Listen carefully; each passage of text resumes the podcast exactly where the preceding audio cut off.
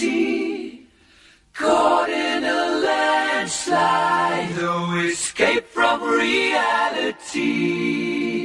Open your eyes, look up to the skies and see. Bohemian Rhapsody is Queen's most one of their most famous songs. They were famously secretive about it. Freddie Mercury never told anybody what it meant or where he got the idea from. And I thought as a writer, that's too great a challenge to ignore. And so I've constructed my own story about what I think the lyrics mean. Wat dink jy is die rede hoekom die Bohemian Rhapsody so gewild geword het? It was a very unusual song for its time. It was the longest song ever to be played on the radio. I think back then the longest songs were sort of three minutes. And because of its unusual structure as well, the record company said, we're not going to play this on air. Well, they went ahead and did it anyway.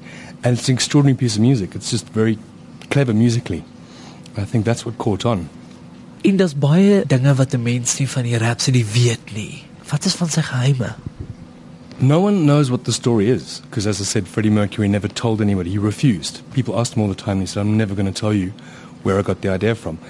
So there are no real secrets, really, but all the elements of the song I use in the play, like the characters of Scaramouche and Figaro, and these go back to a couple hundred years ago, sort of Italian commedia dell'arte and opera. So those I try and unpack and give them a context. I took each line from the song and I tried to write a reason why it's in my story. So my character's nickname is Scaramouche, that his mum used to call him Scaramouche when he was young, because he was always getting into trouble and then always getting out. But he was kind of a naughty character who was always getting into trouble. Figaro as well, the Barber of Figaro, and the Marriage of Figaro, the two Italian operas. And it's also about a character who dresses up and disguises himself to get out of trouble. So that's what my character's done. He's copying famous paintings, but signs them as Figaro, so as not to pass them off as authentic. But he gets himself into trouble as well. I wanted to put a story to the lyrics, to give it a context, and at the very least for Queen fans to walk away thinking, well, that is entirely plausible. I wanted to be as true to the song as I possibly could, because the, the lyrics are incredible and the music's incredible. So I wanted to write a really layered, textured piece that matched and complemented their song. En hierdie is nie 'n musikaal of 'n biografiese verhaal nie. Hoe sal jy dit beskryf? I was attracted to the song's lyrics. I've always been a, f- a huge fan of Queen. I saw them live once and I was completely blown away by Freddie Mercury when I was a kid. I thought he was the most amazing performer on stage. I think the song itself, the, the lyrics for me are very exotic and they're mysterious, and I've always wanted to know who killed the man, who had the gun, who put the gun against his head, why did he do it, and how did that story end up happening. Um, so this is not a musical. There's no singing in the show. It's not a tribute show. It's not. It's not a biography of Freddie Mercury's life. I play an art teacher, and Freddie Mercury was my student at Ealing Art, art College. It's a drama. It's a play. There are some funny bits, but it's not a musical or a tribute. Mama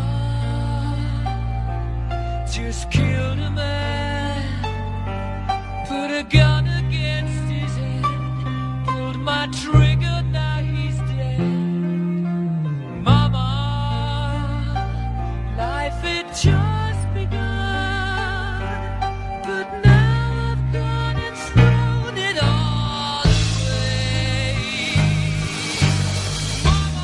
vertoning vind plaas in 'n intieme teater. Hoekom het jy besluit om dit hierso op te voer in plaas van op 'n groter verhoog? I think because it's a brand new piece, it's uh, fresh off the computer.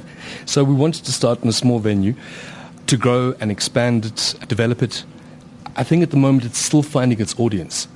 So we wanted to use a smaller theatre so that you know, an audience of 50 or 60 is not going to look too, too empty. Whereas downstairs, you know, you get 50 or 60 people in who are still trying to figure out what the show is. And for you to find your own audience, that's going to look a bit thin in a bigger theatre. So it was a better idea to start small. So wat was van die uitdagings met hierdie produksie en veral om hierdie tipe storie te vertolk of hierdie lirieke so te sê mening te gee? I had to do an, immense amount of research, firstly, because it's set in 1970 in London. I was never in London in 1970, so I don't know what that's like. So I had to research that a lot. And my character grew up in Sheffield and was born in about 1930, so I had to go and research what that would have been like, what his life would have been like. So it was an immense amount of research. And I think the challenge is, is also it finding its audience, because people who are expecting a musical might be a little bit disappointed, so that's a challenge as well, is finding the right marketing and the right pitch and angle for it. And then just doing it, going out there for the first time and seeing if it actually floats as a piece. Does it work? And, and all the anxiety that goes with that, and wondering you've spent all these months working on something that doesn't work. And then finding ways of fixing it, developing it, growing it. but I would say the themes in this, the strongest one for me is, is a leap of faith. And as an artist, to create a new work and put it up on stage is a leap of faith because you don't know what's going to happen.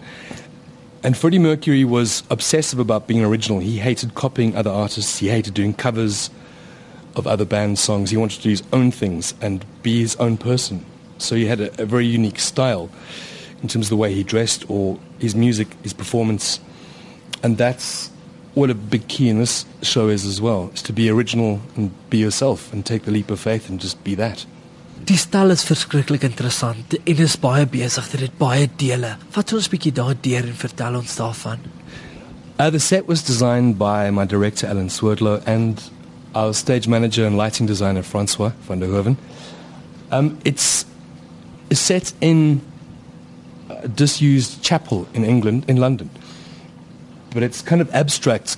Everything's skew and off center because my character is suffering from lead poisoning and all the poisonings you got from paints because he's using original materials that they used in the, the Renaissance times, and those famously made a lot of artists really ill. You know, Michelangelo, Da Vinci, they all suffered from the effects of lead poisoning, mercury poisoning, sulfur poisoning.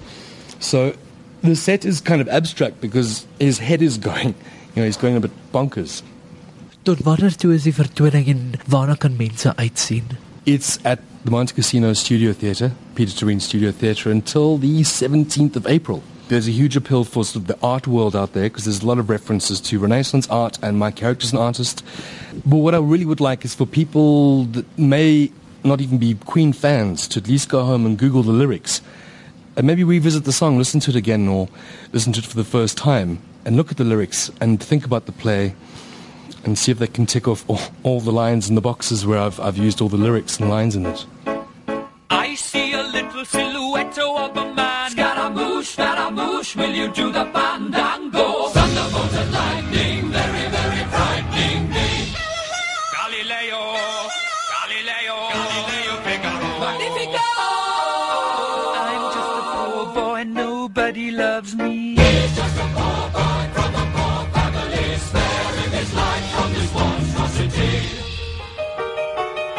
Easy come, easy go. Will you let me go? Bismillah. No, we will not let you go. Let him go. Bismillah. We will not let you go. Let him go. Bismillah. We will not let you go. Let me go. We'll not let you go. Let me go. We'll not let you go. Let me go. Oh, mamma mia, mamma mia. Mamma mia, let me go. Beelzebub has a devil put aside.